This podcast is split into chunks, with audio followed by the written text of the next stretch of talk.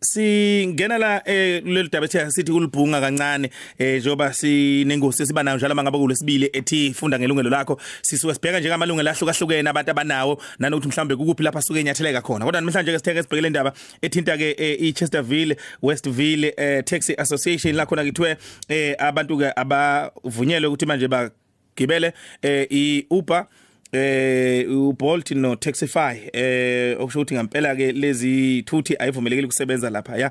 Eh kwaphumela uxwayiso ukuthi abantu bangalokuthi ke bakhwele lezi thuthi uma ngabe besa kulezi indawo funa bakhwela amatekisi kuphela noma eh bakhwele lapha na ke iyo taxi sinayeke la umshayeli kwe Uber eh umgama ogama lakhe umnikelo. Eh mnikelo kunjani? Angibingelele umsakazi ngibingelele nabalaleli emakhaya. Zifike kanjani kunini indaba zokuthi kuphuma isimemezelo sokuthi eh Chesterville Westville Taxi Association eh ukhipha isimemezelo sokuthi ningalokuthi nilayishe eh kulezi indawo abasebenza kuzona eh njengo Uber o Taxify kanye no no Bolt njalo njalo.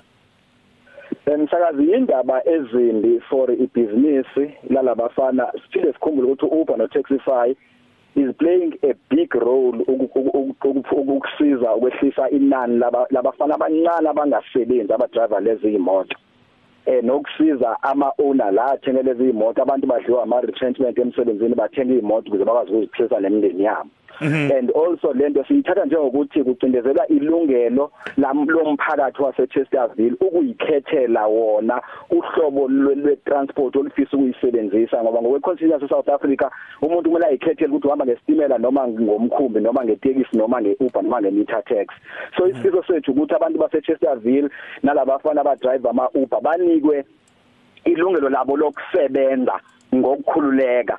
Uma kunezinto e, e, e, ezingekho right okanye osomatics abakhala ngazo abazikhulume sikwazi ukuthi silungise lokho mm. kodwa bangathathi ilungelo labantu lokusebenza nelokuphila nelungelo labagibeli ukuyikhethela uhlobo le transport abalisebenzisayo. Nokuthi lento inobugebengu phakathi noma sebeyibamba imoto bathatha imali bathatha amafoni akekho umuntu ozobopheka. So isifiso sethu nje ukuthi usosethini wase Chesterville eh uqikelele ukuthi lingachitheki igazi labantu abamnyama nelezingane kubangwa indaba zokusebenza. Okuhle nje akuhleleke ukuthi yini abangekho happy ngayo kubonakala ukuthi ingalungiseka kanjani. Not ukuthi kuthiwe abantu baseThekwini abangakwazi ukuhamba ngoba after 10 o'clock amatekisi apakile no driver amatekisi nabo mase bepakile imoto emagarage badinga wona ama Uber ukuthi aye emakhaya. Mm. so akumele abantu baseThekwini nomphakathi unganikwa ilungelo loku upgrade i start of living. Sokuthi kube nehlelo transport olu affordable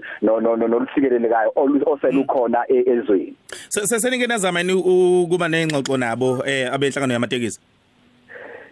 Inkinga esinayo ke ileni ukuthi ababefika kuthina bayalwisana lathi abasho ukuthi yini inkinga yabo. Kodwa sake sathola ukuthi enye inkinga esihambe esibasupportayo somatekisi kuyona inkinga yo driver ekusolakala ukuthi bangabama Uber abama ema mall bamemeza abantu ukuthi ozongena ozongena abantu benga requestile lokho siyabasupport osomatekisi. Uma befisa sisizane nabo ukuqeda lelo demon sizolisana nabo ngoba nathi asamsani nako mhm. but lokuthi bathi ama Uber nama nama nama Taxify awangangeni elokishini akukho akukho emthethweni ubugebengu nje. Nokuyezwakala mfowethu kulungile. Mhlamba ke sihambe sikhulume lapha na ke no Khabazela eh ohlala lapha na ke wayo eChesterville eh Taxi Association. Sikubingelele kuphela sikwamukela khosini FM Ah maphila nkani?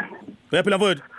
Yeshe yeshe ngikhona ngikhona mfowethu. Sikhona nathi. Mhlambe ngaphambi sithi umunye ngalolu daba eh wegubhela ke siqale ngapha ke sizwe nje ama voice note ngoba ama voice note omphakathi ngoba sinxusa ukuthi abantu ake bethumele eh ama voice note ke sizwe ukuthi mhlambe bona bathini kuphefumula kwabo ngalolu daba eh ngaphambi singene engxoxweni yethu.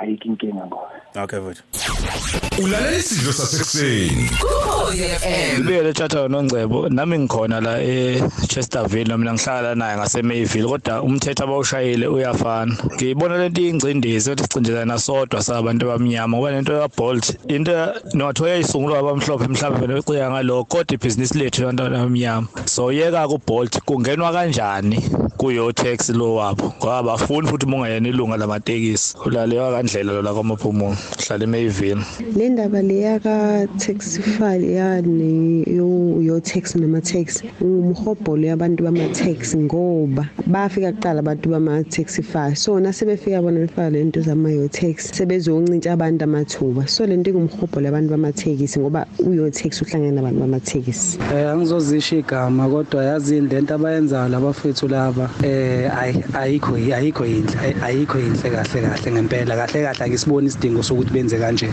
Because the same people aba driver wona lama Uber lawa nawo noma Taxify abantu vele abahlala khona emphakathini. And labantu abarenke basebenzisa i-app and abantu abagibeli ababagibeli babo abantu vele abasuke bezoyi requestela bona. Not ukuthi bahamba labafethu bawo emarenke abo bathatha abantu khona no. Uya requesta umuntu ayiphumele endlini bese kube sekuphelile. Mina ngiunderstand lento le ngiyabonga. Okay eh khabazela. Khathi M- mhlawumbe ukuzwa eh, izimvo zabalaleli bethu bekhuluma kanje eh ni- ni- niye nafinyelela kanjani kulesi kulesi isinyathelo enisithathile? Ku- ku- kungani nithe an- an- an- anibeke lomgomo ukuthi abantu bangagibeli eh, iBolt ne Uber eh lapha ya eindaweni zako Chesterville Westville eh Taxi Association? Okay ang- ang- angibingelele eh umsakazo ngibingelele nabalaleli bonke ekhaya labe khona ngendawo ngendawo. Ngibonge nemkhizo okhulumayo nje ubuso ushilo khathile eh buti angiqondise le ndaba. Izolo ngi- ngibe ne ngibe ne interview le lesinye seyiteshi zalapha eThekwini KZN mhm. Eh esikhulu naso si- sikhuluma ngalolu daba lelikhuluma ngalo. Kahle kahle isizathu esenza ukuthi ngize ngibe ne- interview nabo izolo. Ingoba mina bengitshelile kubona. Ngice- ngacela ukuba ne-interview ngoba ngezwa bekhomenta ngaleyo nto ebihamba kuma-social media bengazange beze beconsult nayo mhm. Eh iqiniso nje lilonke asiyazi sina leya ad ekhulunywa ngayo. Eh siyinhlangano yamatekisi impela kodwa as- as- as- asihambisani nokucindezela amalungelo abanye abantu. Hmm. eh i-ad i-notice le mangabe ukuthi uya- uyayibona kahle.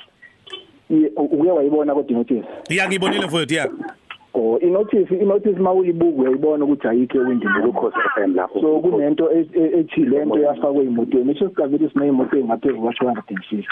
Uma nje ungangitshele yodwa ukuthi wayibona kiphi imoto ngi- ngi- ngingajabula ayikaze nje zibe khona le nto into eyenziwe ya- yafo- ya- yenziwa yashuthelwa etafuleni mawuyibuka Yeah, madoda. uyibona ukuthi ishuthiwe ishuthelwe etafuleni ayikho so ewindini so lapho. ngamanye amazwi i- i- i- imizamo nje le mhlambe yokunyundela njengo njengo association wase Chesterville Westville eh Taxi Association? Into enjalo nje bhuti edicela phansi isithunzi sethu sokuthi thina si- si- sikwazi uku- ukuthi si- si- si- si- simelane si- siphikisane nama- namalungelo abantu ukuthi bekwazi ukuyikhethela. Asikaze sibe association o- osebenza ngodlame namandla. Eh sikholele ekutheni nje yonke into mayilungiswa kufanele kuhlale phansi kukhulume okay. Kodwa ke ngiphinde futhi ngicha- ngichaze futhi njengoba ngichazile nayizolo eh, ku- kulo msakazo bengikuwona ukuthi izinto ezibhaliwe kuleyanto as much as zingabhalwanga yithina futhi singazazi kodwa ezinye zazo siyahambisana nazo. Mm mm. Eh e- eyokuqala nje ile ile ndaba ye ye- ye staff transportation asihambisani nokuthi kusuka imoto zakwenye indawo zizongena eChesterville sibe sinezimoto engaphezulu kwa 250 ezamatekisi. Iphinde futhi ngi- ngichaze le ndaba futhi mhlambe ngingaqhubeki kakhulu. Eh u- ngi- ngigqoka amakepesi amabili ngusihlalo wase wase Chesterville Westville Taxi Association. Ngiphinde futhi ngibe u director waka Yotaxi eh omunye wabafowethu abaqala lento ka Yotaxi okay. Ukuthi angazi but ukuthi isikhathi esingaka esinaso singakanani kodwa bengifisa nje ukuthi ngikudlulise into ezimbalwa ezokwenza ukuthi bonke lento ade ikhuluma nabafowethu labade bekhuluma be- no- no- nomama kade ekhuluma ethi eh khala ngendaba zokuthi obani bafika Yeah. kuqala nobani bafika nini. mhlambe mhlambe ukhabazela i- i- i- ngicela ukunika nje i- i- umzuzu ube munye mfethu. 1 minute nje mntaka baba.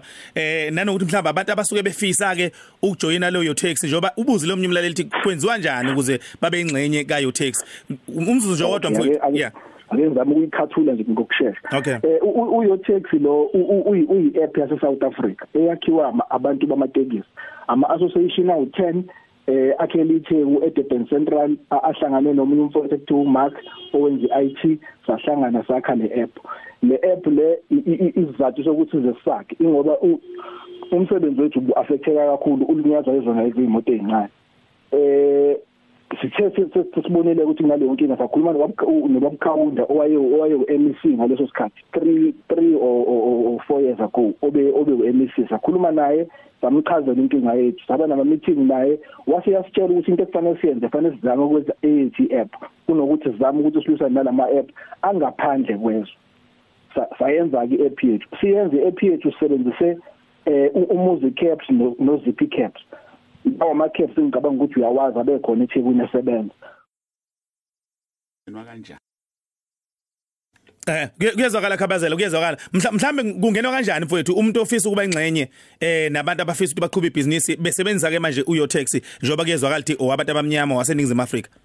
Yeah indlela indlela yokwenza ithi sinawo ama office aku 29 Moses Kotane Road. eh eMasgrave. Kodwa indlela elula kakhulu yokuyenza lento abafowethu abaziyo ngoyotex bayazi ukuthi ama association mangaka asebenza ngawo. CCM oChesterville oKetho Crest oKetho Man. Ukuthi uhambe nje uye association yangakini ufike usho ukuthi ucela ukujoin uyotex bazobe sebekuchazela abafowethu ukuthi yipi indlela yokungena kuyotex kuyezwakala kuphela sibonga kakhulu ngesikhathi sakho mfethu sikufisela ukuhle kodwa. Siyabonga ukuhlonipha nje ukhulume nathi ekseni siyabonga kakhulu but Kwabe.